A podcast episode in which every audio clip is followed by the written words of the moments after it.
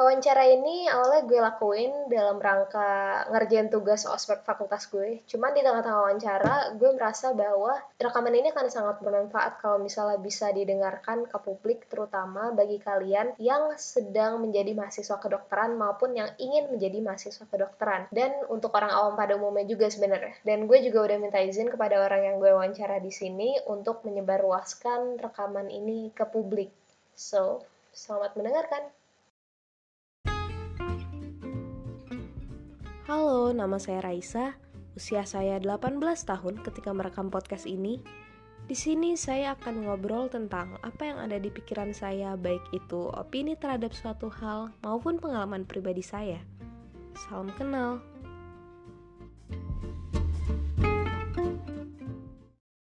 Selamat malam. Sebelumnya perkenalkan, saya Raisa Almira Rahmadea, bisa dipanggil Raisa. Saya adalah mahasiswa baru di Fakultas Kedokteran, Kesehatan Masyarakat, dan Keperawatan Universitas Gajah Mada Angkatan 2020 dari program studi kedokteran reguler. Nah, sebelumnya saya ingin mengucapkan terima kasih kepada narasumber karena sudah bersedia untuk menyempatkan waktunya untuk diwawancarai saya di malam hari ini. Sebelumnya saya ingin menjelaskan tujuan saya mewawancarai kakak pada hari ini yang pertama tentunya saya ingin menambah ilmu mengenai apa saja hal-hal yang berkaitan dengan dunia kesehatan sekaligus untuk uh, menambah motivasi yang akan menjadi bekal saya untuk menjalani perkuliahan nanti ke depannya. Uh, pertama-tama mungkin bisa uh, kakak untuk memperkenalkan diri terlebih dahulu, identitas singkat, uh, mungkin juga asal perkuliahan kedokterannya itu dari mana dan pekerjaannya selama, uh, sekarang sedang apa.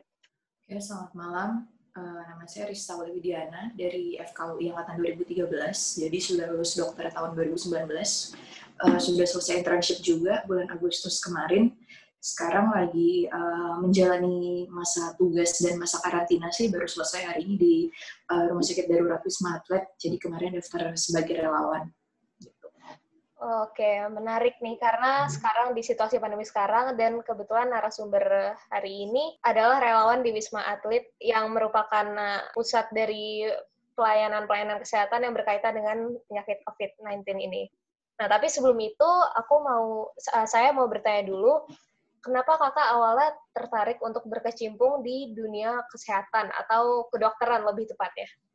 Sebenarnya sih mencari bidang yang familiar mungkin ya lebih tepatnya. Jadi dari background keluarga memang uh, ayah ibu dari IPA, jadi memang IPA adalah yang lebih uh, terpapar gitu.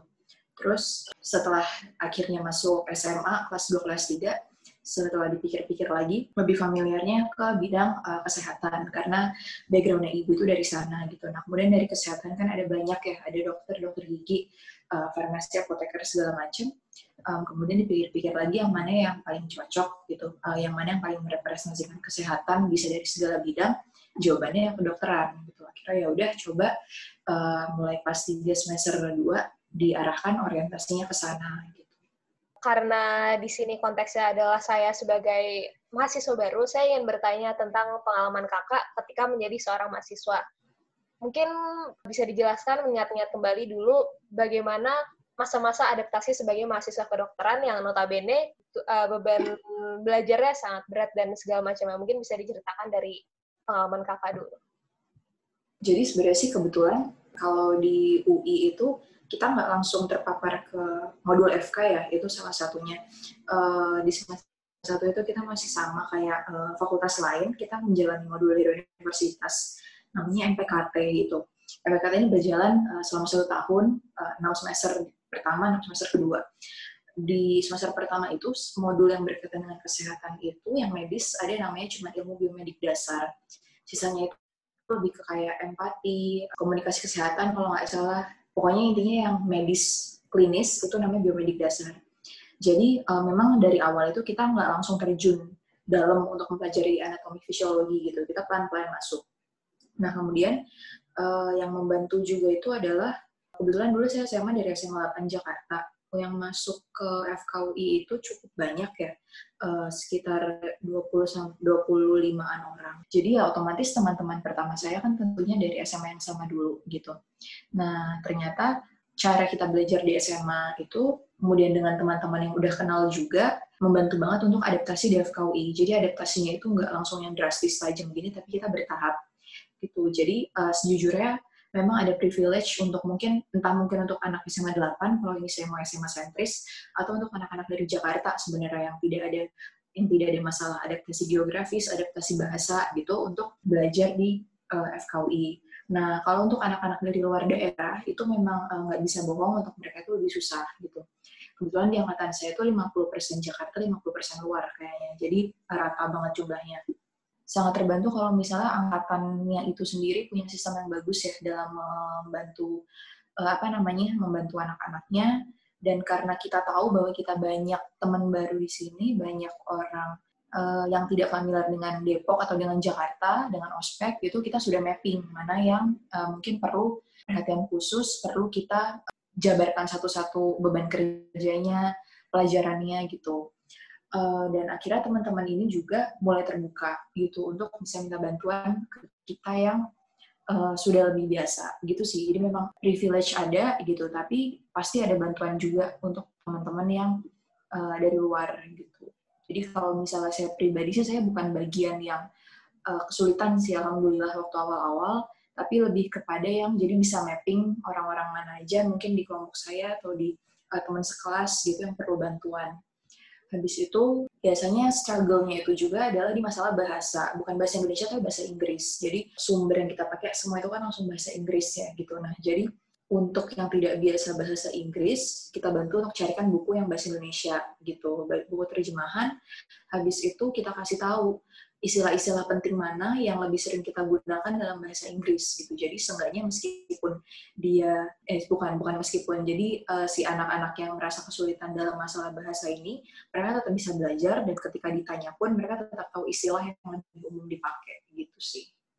Nah itu berjalan sampai satu tahun pertama, habis itu masuk tahun kedua, uh, kayaknya udah mulai bisa mandiri masing-masingnya gitu kalau langsung terjun ke kedokteran itu memang uh, akan sangat bikin kaget loh untuk orang-orang yang nggak biasa gitu, terutama orang-orang yang merasa uh, forte-nya itu di bidang hitungan. Jadi misalnya mungkin anak-anak yang masuk undangan atau yang masuk SBMPTN yang mereka mereka tahu mereka jagonya itu hitungan bukan bukan uh, mereka nggak boleh lengah saat nanti menghadapi belajar uh, biologi gitu karena di sini meskipun kita main pemahaman tapi kita juga mau hafalan nah itu teman-teman saya yang masalahnya eh, yang awal itu jago banget di hitungan, mereka mengakui mereka kesulitan di awal.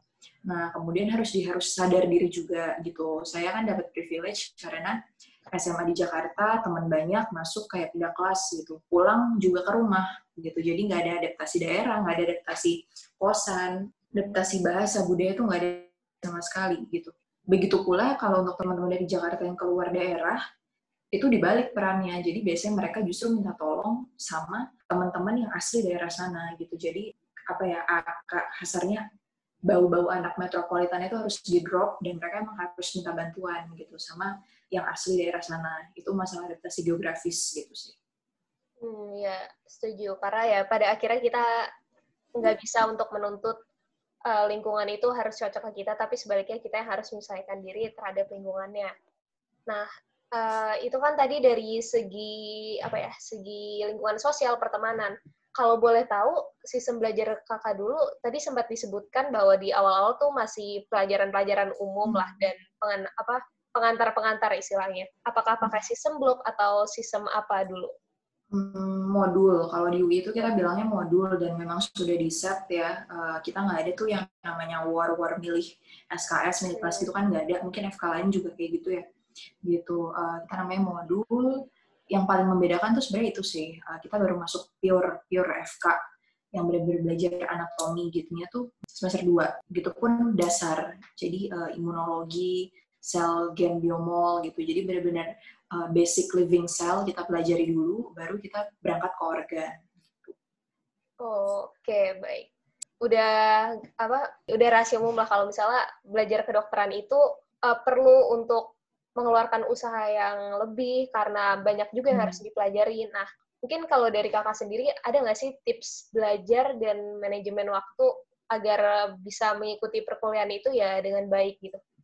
Hmm, akan ada banyak materi mengenai tips belajar dan tips uh, manajemen waktu yang dijumpai untuk maba ya. Pasti bikin acara ini itu gitu sama seniornya. Intinya adalah ikutin aja dulu, dengerin dulu semuanya, uh, opsi-opsi apa aja yang bisa mereka tawarkan baik yang kesannya itu bagus banget kayak nyicil, bikin timetable segala macam, sampai yang kesannya kok berantakan banget gitu kayak bisanya kalau deadlineer, bisa kalau mendadak gitu. Dengerin semuanya, cobain semuanya sejak awal, uh, biar langsung ketemu metode yang pas gimana. Karena perbedaan mendasarnya itu kalau misalnya pas SMA mungkin uh, dulu kita merasa nggak perlu tuh yang namanya sistem belajar gitu. Dikebut tengah malam bisa. Itu nggak berlaku di kuliah karena banyak hal yang harus dinalar satu. Kemudian yang kedua dosen tidak akan turun tangan untuk mengajari gitu. Dosen kalau udah ngasih kuliah ya udah gitu. Nah terus jangan apa namanya jangan menganggap remeh mode bela tipe belajar sih sebenarnya gitu. Karena ketika sudah mendapatkan yang cocok waktunya itu akan sangat efisien. Nah, itu yang sangat berharga, yaitu waktu gitu. Terus, tapi memang harus ini aja, jangan memaksa juga untuk menjadi orang yang prepare banget gitu. Misalnya, kalau memang diri masing-masing mahasiswa itu adalah yang lebih kayak semakin dia nggak punya waktu belajar, semakin dia akan serius, semakin dia apa namanya uh, dia itu adalah kalong misalnya bisa belajar malam gitu. Kalau siang dia tidur gitu ya silahkan gitu. Jadi uh, tanggung jawabnya itu bukan pada orang lain tapi pada diri sendiri. Gitu karena ngebantu ngebantunya angkatan kalau di FK kan sangat terkenalnya kesejawatan ya gitu. Pasti angkatannya ngebantuin gitu. Angkatan nggak akan bisa ngapa-ngapain ketika sudah ujian juga gitu. Kita udah satu-satu sama ujiannya. Kenapa penting punya mode belajar? Itu sebenarnya untuk jauh lebih organize sih gitu. Karena ketika preklinik itu enak gitu. Jadwal kuliah masih ada 9 to 5, 8 eh, to 5 gitu.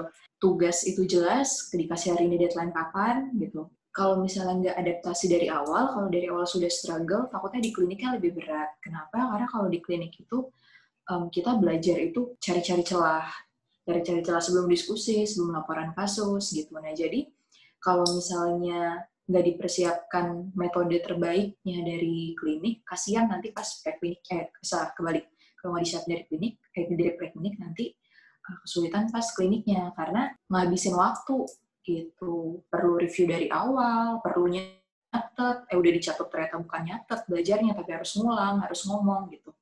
Nah itu baru ketahuannya pas di atas karena kalau di atas juga dengan modul yang judulnya sama gitu misalnya kita lagi sama-sama belajar mata di klinik dan di preklinik beban yang di klinik jauh lebih tinggi. Oh, oke okay. berarti ya emang pada awalnya kita harus mencoba semua metode yang kira-kira bisa dilakukan dulu ya. Dan kita juga nggak bisa langsung idealis menemukan cara yang tepat dan menemukan metode belajar yang konsisten sampai akhirnya yang perlu penyesuaian dan ya pada akhirnya semuanya kembali kepada diri kita sendiri walaupun akan ada rekan-rekan yang bantu tapi pada akhirnya ya yang perlu mengeluarkan usaha lebih ya diri kita sendiri karena memang beban di preklinik itu hanyalah uh, akan kalah jauh lah dibandingkan dengan klinik nanti gitu.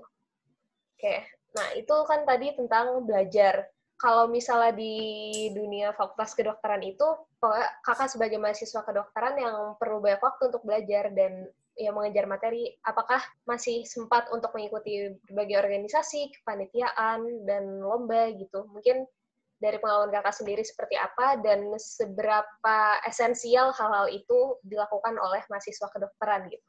Kalau misalnya organisasi sih sebenarnya kebetulan ya, kebetulan kalau di UI itu kita dari awal itu dipaksa untuk berorganisasi, mau nggak mau gitu dari apa namanya uh, dari segi acara angkatan kemudian yang diurusnya nanti per kelas-kelas mata kuliah gitu. Nah itu kan suatu kondisi yang memaksa organisasi gitu.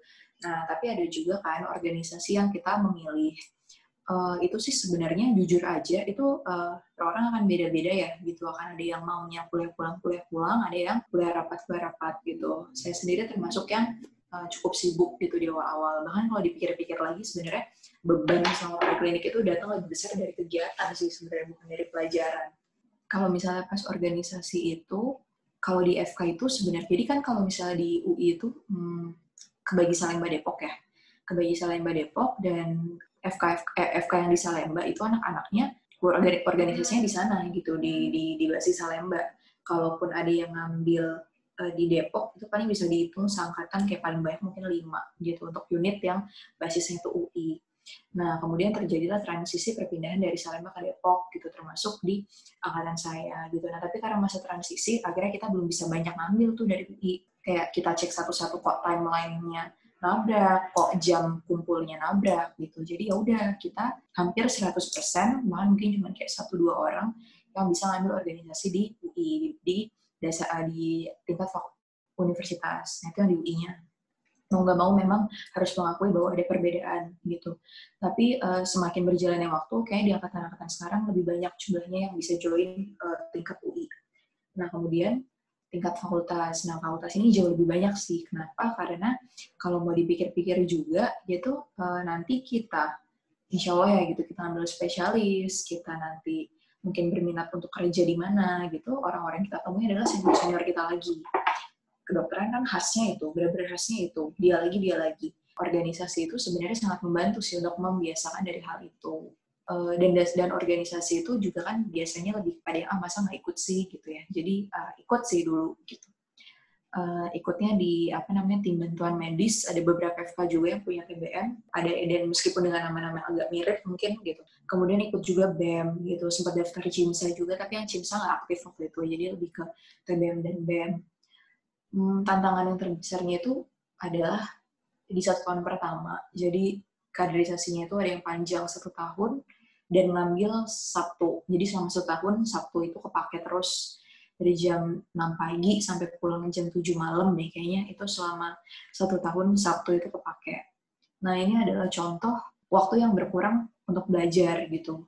Nah tapi ternyata uh, saya dan beberapa teman saya kita juga semakin merasa semakin berkurangnya waktu yang kita punya buat belajar, semakin kita menghargai. Gak ada lagi tuh yang namanya tidur di kelas pas kuliah gitu. Habis itu kayak ngulur-ngulur bikin tugas gitu. Karena kita tahu kita akan kita akan cuma bisa ngerjain satu weekend.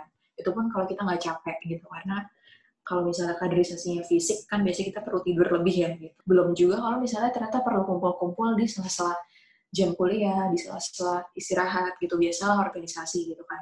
Gitu. Jadi kita jauh lebih menghargai uh, waktu yang ada.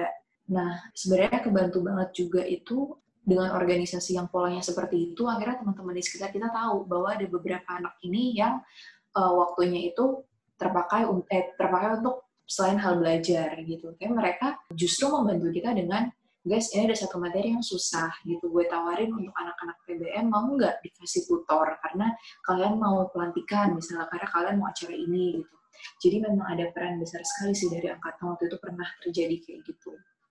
Nah, kemudian uh, nanti semakin naik tingkat organisasinya itu semakin skopnya lebih besar gitu. Jadi kalau di UI itu misalnya khasnya tingkat satu kita cuman masuk ke badan, badan tuh kayak apa ya? Ya badan eksekutif mahasiswa, lembaga gitulah. Kita masuk ke situnya. Habis itu nanti tingkat dua kita organize dekan cup itu namanya itu tingkatannya itu fakultas habis itu tingkat tiga kita organize namanya Liga Medika tingkatannya nasional dan bahkan mungkin internasional gitu. Jadi skopnya semakin naik uh, tapi kita semakin terbiasa. Dan udah punya sistem reward and punishment sih gitu. Misalnya kayak aduh harus ngerjain ini dulu nih gitu. Organisasi kebetulan lebih mendesak misalnya harus bikin MOU untuk ditandatanganin. Ya udah mau nggak mau pelajarannya di nomor dua kan dulu gitu. Nah nanti ketika itu udah selesai, ketika pelajaran udah bisa dikerjain ya udah uh, punishment dan kayak apa namanya bukan punishment sih ya istilahnya jelek uh, tanggung jawab ke diri sendiri untuk ngejar gitu apa yang kurang gitu. Terus kita sih juga tipe orang, saya sih tipe orang yang gini ya kita kuliah ngejalanin sangkatan sama gitu. Jadi sebenarnya nggak boleh itu ngeluh kuliah gitu karena semua orang menjalani beban yang sama habis itu organisasi juga pilihan gitu. Jadi sebenarnya memang nggak pada tempatnya untuk ngeluh akan sesuatu yang kita semua jalanin dan akan sesuatu yang kita pilih gitu. Jadi harus sangat memilih gitu gimana kita ngerjainnya. Sebisa mungkin nggak ada lagi tuh kalau misalnya lagi mau acara organisasi iya izin dulu ya mau belajar buat ujian atau sebaliknya kita mau kuliah dia nggak ada karena dia ngurus organisasi balance-nya itu nggak akan bisa by teori itu harus rasain sendiri sih gitu dengan pattern fakultas, pattern organisasi masing-masing gitu. Ya, menarik, menarik. Ya, pada akhirnya emang nggak bisa untuk menyeimbangkan ya istilahnya. Mungkin lebih ke intuisi ya, kapan kita harus memprioritaskan yang satu dan yang lain. Berarti juga yang bisa aku tangkap tadi adalah justru dengan kita ikut organisasi itu bukannya kita akan rugi akan atas waktu belajar yang terbuang, tapi justru akan menambah banyak manfaat dari situ. Terlebih kalau misalnya organisasi yang kita ikuti adalah yang berhubungan dengan profesi. Karena misalnya tadi kita untuk menambah koneksi dan mungkin juga uh, mendapatkan sumber pembelajaran bahkan dari kakak tingkat. Uh, menurut saya ada yang lebih penting dari manajemen waktu, yaitu manajemen stres. Karena tadi seperti yang udah disebutkan tadi, ada banyak kewajiban seperti belajar, organisasi, dan segala macamnya. Dan juga mungkin uh, tuntutan profesional bahwa kita harus ya menyelesaikan segala tugas dengan baik. Nah, itu pasti nggak terhindar dari uh, kondisi stres kan atau merasa tertekan dan segala macamnya. Uh, bagaimana kakak sendiri menyikapi hal tersebut dan mungkin kayak ada uh, semacam pengalaman pribadi yang bisa dibagikan? Stres itu wajar ya, stres itu harus terjadi karena stres itu tanda kita tahu apa yang salah dan kita harus bertindak gitu. Justru jangan nggak pernah stres. Itu ada yang salah itu terlalu santai mungkin. Nah terus pasti anak mungkin mungkin ya mungkin dengan perkembangan teknologi sekarang uh, anak-anak semakin tahu yang namanya coping mechanism gitu. Coping mechanism yang sehat yang apa namanya uh, yang matur dan yang imatur gitu. Uh, saya pribadi merasa coping mechanism itu semakin naik tingkat apalagi udah masuk masuk tingkat 4, tingkat 5 itu uh, jadi lebih matur gitu. Jadi kayak stresnya sebentar habis itu ya udah dibawa tenang aja dibawa humor gitu nah kalau saran saya sih harus tahu kayak kita stres sama suatu hal, berapa orang yang terkait dalam hal itu. Kita sendiri atau orang lain juga. Kalau misalnya kita sendiri, ya udah. Kalau misalnya sama orang lain, meskipun mereka nggak bilang apa-apa, as time goes by, ingatlah bahwa mereka dirugikan. Teman-teman sekolah yang nungguin bagian kita presentasi, uh, teman-teman organisasi yang nungguin kita datang rapat, gitu, segala macam. Kalau sudah tahu bahwa kita stres dan uh, kita belum tahu cara menghandle-nya, itu harus bilang gitu, harus bilang ke orang yang uh, terkait. Bukan masalah buat minta bantuan atau buat uh, nggak gini. Minta bantuan itu kadang-kadang bakal menjadi nomor dua. Yang pertama adalah kita jangan nyusahin orang dulu gitu. Uh, baru nanti ketika semua udah handle, kita, kita ketika kita udah merasa ada yang salah gitu dengan tingkat stres kita, dengan coping mechanism kita, baru di situ saatnya kita cari bantuan ke orang. Nah, permasalahan pada anak FK, jujur aja paling sering itu adalah dia masuk FK itu bukan keinginannya, atau keinginannya tapi itu nggak 100%. Kalau misalnya dia cukup matur, dia kan selalu berusaha untuk mengubah adaptasinya dan mencari celah di bagian mana di FK yang dia suka. gitu. Kalau dia nggak suka klinis, dia sukanya public health, karena kan itu lebih terkait ke social science gitu, dia akan ke sana. Itu orang-orang yang dengan coping imatur menurut saya dan itu terjadi gitu. Dia udah tahu dia nggak suka klinis, dia nggak akan mempertimbangkan untuk lanjut spesialis. Jadi sejak awal, sejak kuliah, dia udah baca-bacanya yang soal kesehatan masyarakat gitu. Uh, yang bahaya itu adalah yang stresnya itu berlanjut sampai dia manifestasinya selama dia kuliah tuh yang jeblok, dia nggak pernah datang kuliah gitu.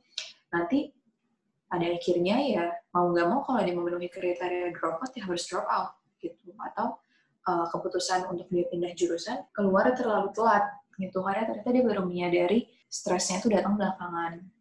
Itu stres yang tentang FK-nya kalau misalnya stres tentang kegiatan organisasi kegiatan non akademis lain gitu berkaitan dengan ngurusin angkatan mungkin ngurusin temen nah itu nanti pasti per fakultas salah iya per fakultas itu akan beda-beda gitu. Jadi patternnya itu akan datang per budaya universitas dan fakultas itu sendiri gitu.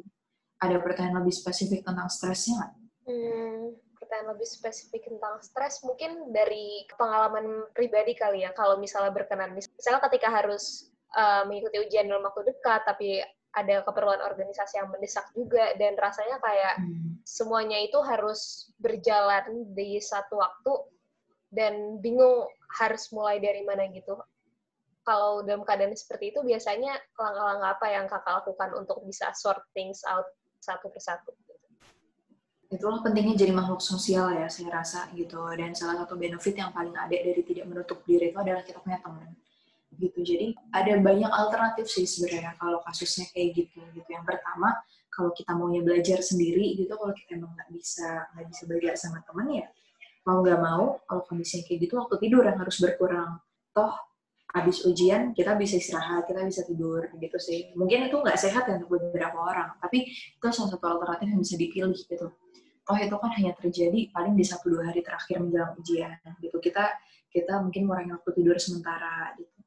Nah kemudian yang uh, opsinya lainnya itu adalah dan ini banyak terjadi sih gitu. Jadi kita belajar barengnya itu belajar barengnya bukan cuma sekedar belajar bareng ya bukan tapi belajar bareng dengan tujuan. Jadi misalnya kita yang anak pulang pergi uh, untuk mau ujian ini kita memutuskan buat nginep gitu, nginep berapa orang, bahkan bisa rame-rame. Ini terjadi juga di angkatan saya gitu. Dan kita udah bilang bahwa gue baru bisa datang jam segini ya, gue harus nyelesain ini dulu gitu. Gue udah baca kuliah yang ini ini ini, yang belum ini ini ini. Menurut kalian kira-kira yang mana yang gue bisa diajarin doang gitu, yang tanpa gue harus baca biar lebih singkat. Nah itu kan salah satu cara yang konkret ya gitu. Habis itu nanti mungkin ada teman belajar kita yang memang cara ngajarinnya itu menjelaskan, ya udah gitu. Ntar gue ajarin aja yang bagian ini sekalian gue recall gitu. Nah itu udah sangat membantu sih sebenarnya. Nah itulah pentingnya jadi makhluk sosial itu gitu. Tapi kalau misalnya ternyata memang belajarnya jauh lebih pede untuk sendiri ya juga sama sebaliknya jangan dipaksain. Itu biasanya orang-orang kayak gitu yang lebih jago dalam mengurangi waktu tidur karena dia lebih baik belajar sendiri dibanding harus dijelasin sama orang gitu. Jadi ya untung-untungan sih cocok-cocokan gitu. Stresnya lama-lama sih jujur nggak stres ya. Kita di FK kuliah ya kita kuliah tiga minggu sekali ujian. Gitu jadi paling kalau normal ya kalau normal kalau kita bisa mengendalikan stres kita paling di modul-modul pertama aja gitu. Di modul-modul pertama kita stres habis itu makin lama kayak baru masuk modul baru aja kita udah kayak guys nanti kita ujiannya tanggal segini kuliahnya ada misalnya berapa belas kalau lo biasa rata-rata satu hari bisa tiga kuliah, ya berarti mungkin perlu persiapan dari seminggu sebelumnya, dua minggu sebelumnya. Jadi lama-lama udah pinter ngaturnya. Gitu. Itu khusus di UI sih gitu ya. Kita udah bisa ngajak mulai dari awal. Gitu. Mungkin di masing-masing fakultas beda. Gitu. Uh, ya, kebetulan kalau di kampusku juga UGM kurang lebih seperti itu juga. Kita sebagai siswa udah tahu apa yang akan dihadapi ke depannya. Nah, tadi aku sangat sepakat tentang penjabaran kayak bahwa kita ini adalah makhluk sosial. Dengan demikian diharapkan bisa membagi beban kerjanya kepada teman-teman lain tanpa harus membebani mereka juga. Nah, tapi sebenarnya saya mau bertanya tentang ini. Mungkin kakak belum merasakan kuliah online ya dan semacamnya. Tapi kalau misalnya hmm. dalam keadaan di mana kita harus terus-menerus uh, sendiri gitu, kayak bagaimana menyikapinya gitu bagaimana apa alternatifnya yang bisa kita lakukan dengan tidak menjadi tidak merasa kesepian dan ya seperti itu ketika mengalami kondisi stres. Jujur tidak ada yang bisa mengganti pertemuan face to face dalam hal seperti ini. Untuk yang perlu teman, untuk yang perlu konseling dan kita bicaranya serius gitu ya, memang perlu memang perlu tampungan, itu kita tidak bisa mengganti selain ketemu gitu. Cuman kalau misalnya harus banget online, kembali lagi ke masing-masing anaknya gitu. Apakah dia cukup paham bahwa uh, ini adalah yang bisa kita lakukan sekarang gitu, bahwa kita tidak bisa mengganti human connection yang uh, offline gitu. Kita tidak bisa afford itu sekarang. Sebenarnya sih belum pernah dengar ya uh, bagaimana uh, apa pendidikan online yang sekarang itu mengakomodasi uh, stresnya untuk mahasiswa kedokteran yang biasa gitu. Yang biasa itu adalah yang kalau belajar harus ditemenin gitu. Kalau kuliah itu kuliah yang ketemu aja tatap muka dia kesulitan untuk ngikutin gitu. Uh, mungkin pernah mungkin mungkin sedang dilakukan penelitiannya gitu. Bagaimana uh, trennya anak FK preklinik zaman sekarang menghadapi yang kayak gitu. Sebenarnya kalau online ini itu jauh lebih merugikan yang sudah tingkat akhir gitu. Justru mereka-mereka yang perlunya itu ketemu pasien, perlunya itu skill gitu. Jadi uh, mungkin kalau stres mungkin, mungkin lebih stres mereka ya gitu, apalagi mau ujian kelulusan segala macam. Karena kayaknya kalau misalnya pendidikan jarak jauh sekarang yang online ini stres itu masih nomor dua dibanding nomor satu itu tanggung jawab kali ya tanggung jawab kita untuk tetap mengikuti pendidikan tanggung jawab kita untuk badan ini tetap ngikut jam kuliah biasa gitu jam weekday biasa kayak gitu sih. Kalau misalnya stres ya sekarang sih banyaknya juga telemedicine gitu, telemedicine uh, dalam konseling gitu. Dan kalau misalnya mau dicoba ya mungkin masing-masing kampus punya gitu. Tapi hmm, kalau misalnya untuk mahasiswa baru yang belum pernah ketemu, terus tiba-tiba mau identify stres, ya itu memang cukup sulit ya antara kita yang merasa bertanggung jawab untuk approach satu sama lain untuk kita cek keadaannya mungkin kayak gini via video call atau kita lihat bukti tertulis. Mungkin nilainya turun mungkin kehadirannya dia selalu terlambat untuk dia apa namanya uh, daftar absen gitu. Memang mau nggak mau ini keadaan yang merugikan untuk FK yang khasnya itu adalah pengajaran itu senior ke junior dosen ke murid itu tidak bisa digantikan gitu. Karena ada masalah jam terbang ada masalah pengalaman klinis. Nah jadi memang itu uh, yang FK itu sampai sekarang masih sangat mengusahakan gitu lagi banyak diskusinya sih memang Oke, itu tadi uh, pendekatan yang menarik ya. Di bagian tadi, ya pada akhirnya stres akan menjadi nomor dua setelah tanggung jawab. Dan mungkin aku bisa merasakan hal itu secara langsung beberapa waktu ke depan dan sudah mulai sebenarnya ketika masa PPSMB, ketika masa ospek ini mulai merasakan hal itu. Itu tadi terkait stres. Uh, berikutnya uh, mungkin kita akan berganti topik. Saya mau bertanya tentang uh, apakah kakak pernah memiliki pengalaman lomba atau pertukaran pelajar atau hal-hal yang berhubungan dengan kompetisi maupun international exposure gitu dan sama sih pertanyaan yang tadi seberapa signifikan hal itu dialami oleh mahasiswa kedokteran dan pelajaran apa yang bisa diambil apabila kakak pernah melakukan uh, kegiatan-kegiatan tersebut. Yang nomor satu lomba ya. Lomba itu ada banyak sekali lomba di tingkatan universitas di FK. Jujur saya gak pernah lomba yang tentang FK gitu. Yang kayak misalnya bikin review artikel, bikin esai, poster publik gitu tuh kita nggak pernah gitu. Mungkin salahnya dulu itu gitu. Kita uh, saya dulu terlalu sangat terpatok organisasi. Padahal bisa banget loh kalau cuma ikut satu doang satu dua lah gitu. Itu udah cukup udah cukup ngerasain ngerasain kita terbang ke FK lain ketemu teman baru gitu. Karena nanti ngerasain kalau udah lulus itu pasti kayak dari mana? Ah dari universitas ini. Oh gue dulu ke sana ikut lomba ini. Gitu. Itu jadi koneksi tersendiri. Dulu saya pernah ikutnya sih AMSA ya AMSA-nya Unpad eh, MUN tapi jujur itu kayak apa namanya kita masih tingkat dua kita masih benar-benar belum tahu cara yang benar tapi jujur itu udah cukup nyobain sih gitu. Yang namanya universitas orang ini jadi tamu untuk lomba. Um, kemudian uh, masuk ke klinik. Klinik itu baru sering. Jadi waktu di klinik itu kan kita sudah terpapar. Hmm, terpapar secara lebih real bidang mana yang kita suka. Dulu kalau di klinik itu kan kita cuma duduk, kita cuma duduk uh, dengerin kuliah gitu. Kalau misalnya di klinik kita udah ngerasain sendiri kayak gini loh kesehariannya gitu. Kalau kita kita kerja di bidang ini gitu. Nah jadi uh, pas di klinik itu barulah kelihatan interest kita ke mana, interest saya ke mana gitu. Uh, kalau pertukaran pelajar bukan pertukaran, uh, elektif elektif ke luar negeri pernah um, kemudian bikin uh, presentasi di luar negeri juga pernah gitu. Jadi yang uh, yang pertama dulu yang prestasi di luar negeri itu kebetulan bidangnya itu di bidang plastik di luka bakar gitu. Uh, kalau ditanya gimana ceritanya ya mungkin kebetulan campur kebetulan ditambah niat gitu. Karena ya kebetulan ada teman kebetulan ada dosen yang nawarin kebetulan ada ide gitu. Dan ada niat untuk kita nerusin sampai uh, akhirnya tulisannya jadi dan tulisan itu bisa kita bawa keluar gitu. Uh, apa namanya? Uh, salah itu memang tapi kalau misalnya di telisik ada faktor luck juga di situ kebetulan kita ketemu keberuntungan kita ketemu dosennya keberuntungan kita um, ada topiknya, ada fasilitas rekam medis. Kan saya dulu kelas di RSCM, di RSCM untuk kita buka-buka rekam medis gitu, untuk kita ngambil data gitu. Jadi uh, apa namanya kebetulan-kebetulan itu bisa dibuat sebenarnya di tempat lain gitu tapi jujur saya merasakan uh, keberuntungan menjadi mahasiswa di sini gitu. Nah uh, kemudian setelah nah kemudian dalam proses perjalanan penyusunan data itu akhirnya kita menjadi orang yang terbiasa main data.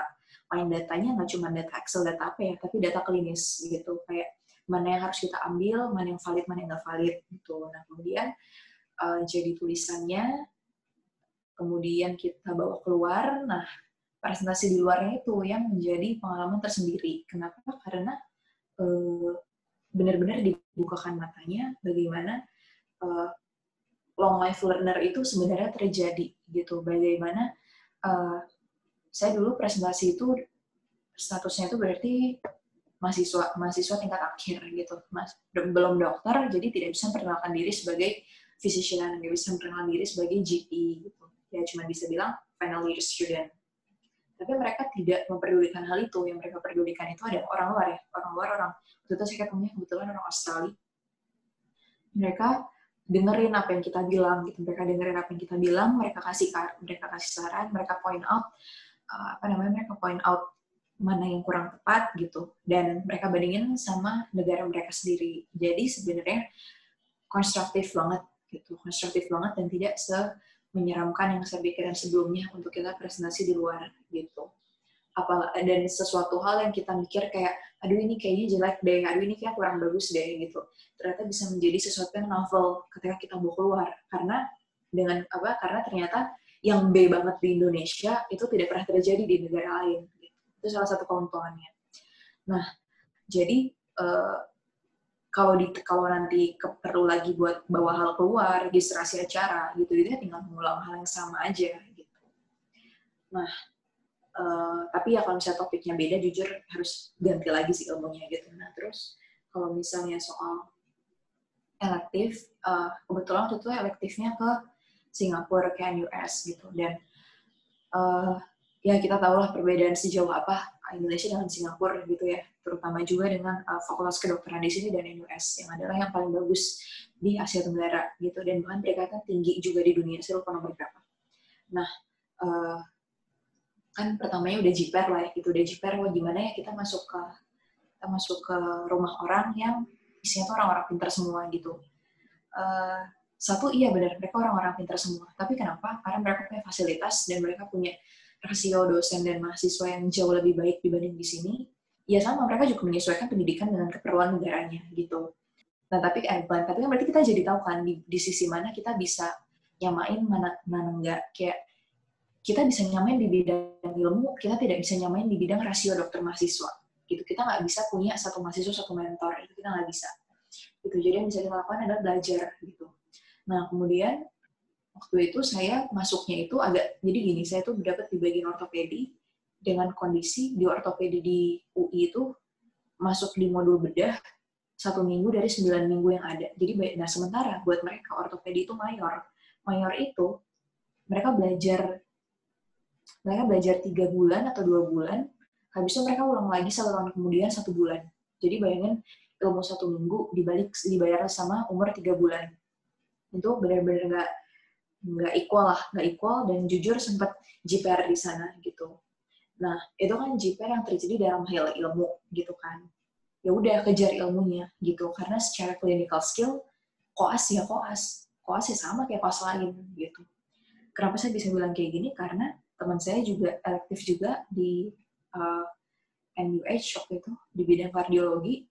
Dia itu adalah uh, juaranya IMO. IMO itu lombanya uh, dari SMKI kalau nggak salah di bidang kardio. Jadi dan dia sudah melewati modul penyakit dalam gitu. Jadi jantung, hipertensi lah gitu ya, dia udah jauh lebih familiar. Ketemu sama koas benar-benar baru hari pertama, baru minggu pertama di jantung. Ya udah posisinya terbalik. Dia ngajarin koas Singapura gitu. Dan selama satu bulan itu ya mereka nempel gitu. Dan ternyata ya koas hanyalah koas gitu. Koas juga sama-sama nggak bisa jawab koas sama-sama harus belajar gitu. Dan koas saling bantu. Uh, jadi jipernya tuh langsung turun gitu kayak oh ternyata kita sama loh kita nggak beda gitu. Yang membedakan ya memang fasilitas memang uh, sistem pembelajaran gitu. Pentingnya apa? Pentingnya adalah mata kita jadi terbuka gitu. Ada alasan loh kenapa orang belajar keluar. Ada alasan kenapa dosen-dosen kita belajar dulu keluar lalu mereka bawa ke dalam. Karena kita emang belum punya gitu.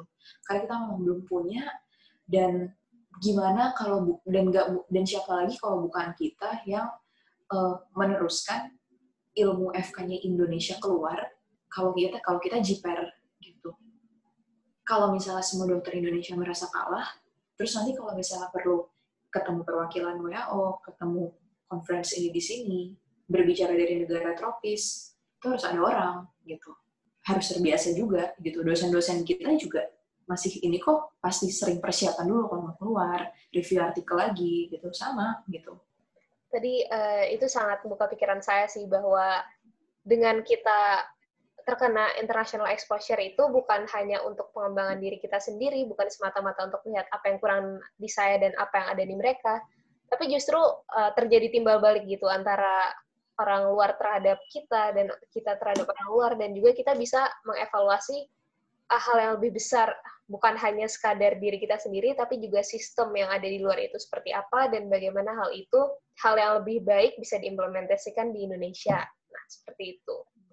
Nah tadi uh, sejak awal kita sudah berbincang tentang kehidupan uh, Kak Rista dari masa preklinik klinik dan seterusnya dan sekarang saya mau bertanya tentang uh, pekerjaan yang dilakukan sekarang gitu. Mungkin bisa diceritakan gambaran pekerjaan sekarang dan uh, mungkin bukan pekerjaan sekarang secara khusus Kak Rista ya, tapi lebih ke sebagai seorang dokter di dunia kesehatan kayak bagaimana prospeknya, risikonya dan semacamnya gitu ketika sudah terjun ke dunia profesi.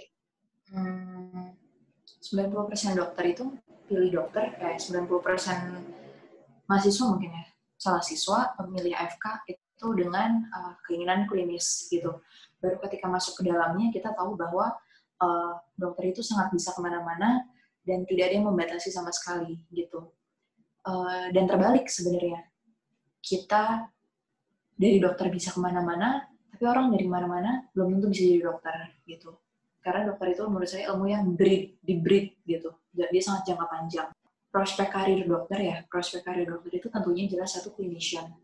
Cliniciannya dalam hal uh, spesialis yang uh, mayor minor gitu, atau sebagai GP itu silakan. Kemudian bisa juga uh, research, research itu mungkin lebih uh, apa namanya research tapi memang jujur pasti jarang ya, jauh lebih jarang paparannya dibanding kita ketemu sama dosen-dosen kita yang clinician gitu dan uh, apa namanya butuh tanya-tanya lebih banyak gitu untuk kita uh, mau berkarir di bidang researcher untuk kita mencari tokoh panutan gitu. Nggak seperti kita kayak tengok kanan di spesialis tengok kiri di spesialis gitu. kemudian bisa juga uh, apa namanya kerja di struktural gitu.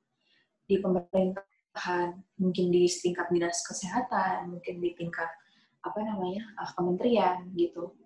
Itu pun juga bisa jadi keputusan mau dari awal atau kita mau punya basis klinis dulu nih baru masuk ke uh, kementerian itu juga bisa. Relawan bisa juga jadi dokter relawan mungkin jadi yang uh, dokter without borders terus yang uh, apa namanya BSMI gitu-gitu. Uh, yang dikirim ke daerah-daerah perang itu juga bisa gitu. Uh, kemudian entrepreneur tuh sekarang udah banyak gitu yang uh, mendirikan tempat-tempat untuk vaksin. Kemudian dia entrepreneurnya itu lebih ke arah emang beneran bikin bisnis gitu mungkin punya apotek mungkin punya laboratorium segala macam gitu. Tentunya itu ya suatu interest yang berkembang dari tahun ke tahun gitu. Terus apa lagi yang uh, ini oh dokter militer dokter militer juga bisa gitu. Kalau dokter militer ya tentunya uh, pendidikannya jadi double ya kewajiban dia di kedokteran dan kewajibannya di militer gitu. Uh, terus apa lagi ya? Banyak kok oh ya ada yang baru juga itu yang uh, dokter untuk pendidikan kedokteran gitu. Ini kayak belum banyak universitas memang yang punya. Tapi intinya adalah uh, mendidik seorang dokter itu khas loh gitu. Bagaimana kita menanamkan ilmu campur nanam empati campur nanam uh, apa namanya behavior attitude gitu. Campur menanamkan kesadaran bahwa ini tuh dari ilmu yang turun temurun ilmu yang uh, long term gitu. Nah karena khas banget akhirnya ada tuh yang namanya Medical Education Unit atau Departemen Pendidikan Kedokteran.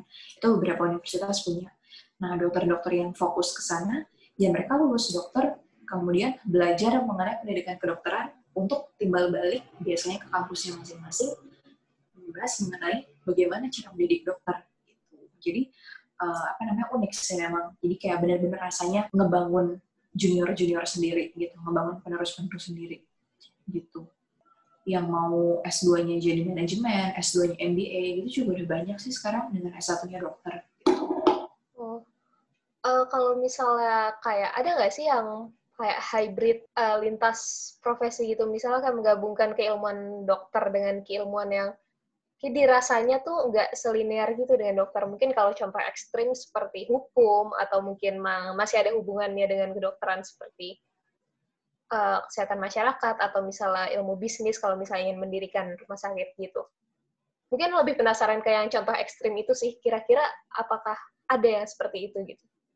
Yang paling ekstrim sih mungkin FK dan FT ya, dan teknik gitu. Itu ada, itu ada, itu terjadi, itu salah satu dosen di UI ada gitu. Tapi uh, dulu mungkin memang memungkinkan untuk bisa dapat double degree seperti itu. Satu dari satu dari UI, satu dari UGM, atau dari ITB, saya lupa gitu. Cuman sekarang sih udah nggak pernah ada ya kayaknya gitu. Jadi yang memang gelarnya adalah dokter dan sarjana teknik ada gitu. Nah kemudian untuk hybrid yang hukum, hybrid ekonomi itu tuh banyak, itu nggak jarang gitu. Hybrid fakultas masyarakat itu mau biasa, itu biasa banget. Orang-orang yang dokter-dokter yang di pemerintahannya berurusan dengan kesehatan masyarakat, hampir pasti sooner or later akan belajar mengenai public health dan cabang-cabang ya, misalnya hospital management gitu, kesehatan apa public health, public policy, eh health policy gitu. Itu tinggal dipilih aja nanti bidangnya mau apa. Dan penting banget punya ilmu kedua gitu kayak gitu. Biar kita nggak mati ketika keadaan itu tidak melulu soal dokter pasien dokter pasien, tapi juga kayak sekarang nih pandemi. Ya yang sangat bisa kita andalkan sekarang kan orang-orang yang dokter dokter ya harus dokter ya punya background ilmu itu. Gitu. Nah kalau misal hukum itu uh, banyaknya itu adalah di dokter-dokter forensik gitu. Di dokter forensik biasanya itu dokter dulu, spesialis forensik dulu, lalu nanti dirasa perlu nih kayaknya penunjang untuk uh, hukum. Kenapa forensik? Karena sebenarnya forensik itu ilmunya forensik dan mediko legal ya. Jadi kasus-kasus yang dituntut, kasus-kasus yang apa namanya dianggap pidana itu ya baliknya pasti kita nanti larinya ke spesialis forensik gitu. Kalau uh, bisnis itu ya diniatin gitu. Ada ada kok yang ambil MBA biasanya mungkin memang tertariknya itu untuk ngurus-ngurus big data big data yang terkait dengan sistem kesehatan terpusat sistem kesehatan di suatu provinsi gitu. Itu nanti rata-rata mereka bisa ngambil bisa ngambil bisnis bisa ngambil apa namanya MBA gitu tadi sempat disinggung juga soal pandemi. Nah, seperti yang kita tahu sekarang kan situasi sekarang ya sangat mengejutkan lah untuk warga global ini. Dan situasi pandemi sekarang juga membuka mata banyak orang tentang untuk mencari tahu lebih dalam tentang dunia kesehatan gitu. Nah, mungkin bisa dijelaskan dari kakak apa apa-apa saja sih sebenarnya masalah atau tantangan di dunia kesehatan ini dan mungkin juga uh, kalau kalau tahu solusinya seperti apa bisa dibagikan gitu kepada saya ya sulit sih kalau ngomong kayak gini dari perspektif dokter ya. Karena mungkin yang keluar dari mulut saya itu akan one sided untuk mengutamakan uh, profil kesehatan gitu. Kan kalau sekarang kita ramenya itu pertimbangan ekonomi gitu pertimbangan sosial pertimbangan politik rakyat kecil gitu. Nah kalau misalnya nanya dokter itu pasti dia akan lebih memilih ke sisi kesehatan. Karena kita memang punya ilmunya di sana dan bukan tempat kita untuk berbicara hal lain gitu Nah, pandemi ini itu susahnya adalah ya tentunya ilmunya kita nggak punya. Kita ilmunya itu kita belajar sambil jalan. Pasien dua bulan lalu akan berbeda penanganannya dengan pasien hari ini. Kalian area ilmunya pun berubah, kita tahu lebih banyak gitu. Kemudian yang hanya bisa dirasakan oleh dokter itu adalah uh, menyikapi bagaimana ada dokter yang meninggal gitu karena yaitu perjalanan itu panjang apalagi kalau guru besar dan dokter spesialis gitu sekeras apa pun seorang dokter berusaha untuk mengedukasi betapa pentingnya peran itu, betapa esensialnya peran itu di masyarakat. Karena ada tuh spesialis ortopedi di Surabaya yang udah konsultan pediatrik anak, pediatrik ortopedi, meninggal. Buat saya di sini yang cuma orang di Jakarta, kenapa sih dia esensial buat saya gitu? Itu dokter, eh, itu orang lain tuh nggak akan paham. Jawabannya itu adalah kita kurang orang, kita masih butuh orang. Orang-orang yang muda yang kita jaga untuk menjadi seorang pendidik itu hilang gitu. Itu mau diedukasi sekeras apa juga nggak akan ngerti sampai mengalami gitu. Ya sama kayak ngomongin soal hamil, tapi ke orang yang nggak pernah hamil nggak bisa gitu harus ngerasain sendiri. Jadi ya ya udah kalau misalnya ada orang yang ngedinai nggak usah di baik-baik atau gimana karena mereka nggak akan paham gitu. Kita yang paham uh, apa namanya uh, yang ngerasain lossnya itu kita gitu. Nah, soal ini ya, tantangannya lagi itu karena yang ketemu itu berbeda-beda dari awal sampai akhir, yang kita pelajari di awal ternyata jadi beda. Kayak dulu mikirnya cuma yang punya komorbid, cuma yang tua gitu, yang bisa masuk ke fase kritis. Nah, ternyata sekarang nggak loh gitu. Kebetulan saya di sini juga ditanya sama pasien-pasien gitu, kayak kenapa kok saya nggak negatif-negatif, kenapa saya masih positif gitu iya masih kita pelajarin gitu mau kita jawab apa nggak bisa gitu. Kita bisa berargumen soal daya tahan tubuh soal imun gitu. Tapi ya itu hipotesis gitu kan. Susah memberikan jawaban yang hitam di atas putih karena dokter itu sangat terbiasa untuk hitam di atas putih gitu. Uh, terus figur-figur yang menonjol itu harus orang yang tepat. Pasti terdapat perbedaan di mata dokter dan non dokter terutama di mata mungkin ahli ekonom mungkin di menteri-menteri gitu mengenai figur-figur siapa saja yang sebaiknya itu naik atas dalam mengatasi pandemi ini. Sulitnya di situ juga hal yang tadinya kecil ketika sudah masuk bulan uh, Agustus ini menjadi skalanya nasional dan udah bercabang ke mana-mana gitu. Uh, dokter itu akhirnya cuma jadi sebagian kecil karena udah mas, udah banyak uh, pertimbangan lain dari segi ekonomi, segi politik, sosial. Um, terus ya akhirnya nggak perlu kasus kriminalisasi dokter gitu untuk tahu bahwa uh, profesi ini itu dua mata pisau gitu. Jadi cuma ternyata tinggal pandemi loh, pandemi yang dirasakan di seluruh dunia, pandemi yang dokter itu jujur cuma pengen nanganin juga, nggak ada tuh yang namanya propaganda. Eh ternyata masih diserang juga gitu. Tapi ya lagi-lagi tidak ada yang paham selain dokter itu sendiri gitu. Atau mungkin yang sudah menjadi korban itu sih. Dan itulah pentingnya ternyata untuk punya ilmu lain selain ilmu klinis. Supaya lebih banyak orang-orang di berbagai tingkatan yang bisa menangani gitu. Nggak harus di, kalau misalnya cuma satu, cuma satu dua yang apa berkualitas, mereka ditaruhnya di atas gitu, ditaruh di tingkat kementerian, di tingkat satgas, mereka bisa bikin kebijakan ABC, tapi yang menggerakkannya lebih kecil lagi di provinsi, di dinas kesehatan, gitu nanti siapa?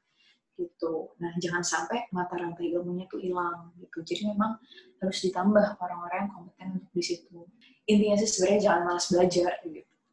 Uh, berarti yang bisa aku simpulkan tadi ya uh, tantangannya pertama adalah karena uh, kedokteran atau kesehatan pada umumnya itu adalah ilmu yang sangat dinamis dalam artian ya uh, masih banyak penyakit-penyakit yang belum bisa kita jabarkan dengan sejelas-jelasnya dan semacam itu. Kemudian juga mungkin masalahnya adalah pers, uh, persepsi dokter di mata masyarakat dan ya kita tidak bisa berbuat banyak untuk uh, meyakinkan orang-orang yang ya tidak tahu pasti apa yang sebenarnya dilakukan gitu. Terus juga tadi yang sangat menyentil saya adalah bagaimana bahwa kayak uh, kematian seorang dokter itu bukanlah hanya sekadar kehilangan nyawa tapi juga kehilangan potensi untuk mendidik uh, banyak eh, calon-calon tenaga kesehatan mungkin puluhan ratusan dan segala macamnya dan juga kehilangan uh, ilmu-ilmu yang telah beliau pelajari dari tahun-tahun sebelumnya itu tidak mudah didapatkan. Dan juga penting untuk adanya persebaran orang-orang yang paham di bidang kesehatan, persebaran ahli kesehatan di berbagai bidang profesi gitu. Mungkin seperti yang sudah disebutkan tadi dari uh, tingkat kementerian, tingkat provinsi dan segala macamnya orang-orang yang mungkin bisa dibilang policy maker gitu ya menurut saya wawancara hari ini sangat membuka pikiran saya terhadap banyak hal. Eh, terakhir, saya mau bertanya tentang uh, pesan dari Kak Risa untuk mahasiswa baru di Fakultas Kedokteran. Hmm, pengalaman saya dulu ospek jadi mahasiswa baru itu adalah saya stres banget sampai turun berat badan ya teman-teman lain juga gitu. Wow. Tiga hari kita tiga hari kita di pur gitu istilahnya nggak tidur untuk ya, hampir 100% itu yang kita tulis itu berdasar tugas-tugas yang kita bikin itu dia pakai sumber gitu. Nah, kita dihadapkan pada sistem citasi, pada baca jurnal untuk pertama kali, pada istilah kedokteran untuk pertama kali gitu. Tapi terus kan kemudian begitu selesai ospek itu sekitar hari Jumat atau Sabtu, Seninnya kita langsung ketemu dekan, kita langsung uh, kuliah perkenalan pertama gitu. Terus itu kita langsung kuliah seperti pada umumnya. Nah, ternyata ada gunanya loh gitu. Jadi memang kayak tadi saya bilang apa uh, jadi anggap aja kalau di ospek itu benar-benar diginiin gitu, lurus naik ke atas. Karena kampus tidak akan menunggu mahasiswanya untuk bisa gitu. Justru dituntut.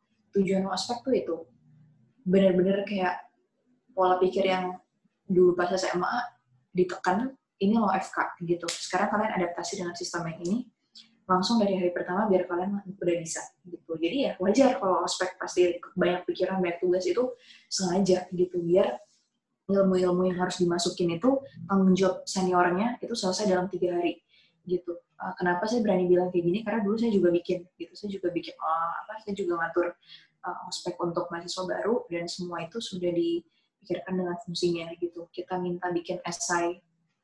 Dulu bahkan kayak pas saya itu nggak ada esai tentang diri sendiri gitu. Esai itu semua pakai ilmu. Kemudian kita godok lagi penting loh ada tentang diri sendiri biar ini ada penting apa ada tentang apa namanya future plan untuk untuk, ini gitu. Tugas apa intinya pure biar nggak kaget gitu. Dan ternyata bener kok ternyata begitu masuk kuliah yang dibahas-bahas uh, itu ya ini kamu sebenarnya dari mana? Gitu. Ini kamu kurang bahan ini gitu. Uh, apa namanya ini kamu uh, ini kamu kontak dosen yang ini gitu ya. Sama gitu berbeda sama persis gitu. Jadi emang ospek itu simulasi. Gitu. Itu pesan untuk mahasiswa baru gitu. Terus uh, apa namanya ya kalau explore sebanyak-banyaknya sih seperti pada umumnya ya gitu. Jangan sia-siakan kesempatan gitu. Terus memang harus tahu harus paham dari sekarang keunikan ilmu FK dibanding ilmu lain gitu ya itu kita punya namanya kesejawatan kita sangat menghargai ikatan kita gitu karena kita ketemunya dia lagi dia lagi gitu kita menghargai dosen kita dan senior kita bukan hanya karena mereka lebih tua dari kita, tapi mereka itu bisa jadi guru gitu. Ada yang namanya pengalaman klinis yang cuman mereka yang bisa ngasih ke kita. Dalam apa yang yang apa ya ibaratnya mereka bisa bagi ke kita itu yang mereka. Di FK itu ya guru itu bukan posisi yang B aja. Gitu. Guru itu banyak maknanya. Gitu. Uh, makasih banyak atas pesan-pesannya karena menurut saya itu juga yang lagi saya rasakan sekarang uh, dengan tuntutan banyak tugas dan segala macamnya walaupun uh, sekarang saya tahu bahwa memang tugas-tugas itu dibuat dengan perencanaan yang matang sebelumnya dan cepat atau lambat akan dirasakan manfaatnya ketika sudah masukin dunia perkuliahan nanti dan juga tentang yang tadi uh, kesejawatan itu menurut saya sangat penting karena kalau di FK itu menurut saya kompetisi itu bukan hal yang utama gitu ya. Mungkin kalau misalnya masuk ke dunia perkuliahan kita berorientasi untuk menjadi mahasiswa terbaik dan segala macamnya. Tapi menurut saya di FK itu bukanlah hal yang esensial karena pada akhirnya ya kita akan berada di profesi yang sama dengan rekan-rekan yang sama dan bekerja sama karena ya pada akhirnya nanti tidak ada kompetisi untuk merawat banyak-banyakan pasien dan segala macamnya seperti itu. Uh, Oke, okay cukup panjang wawancara pada malam hari ini. Terakhir saya mau mengucapkan terima kasih banyak atas waktunya dan atas ilmunya yang sudah diberikan.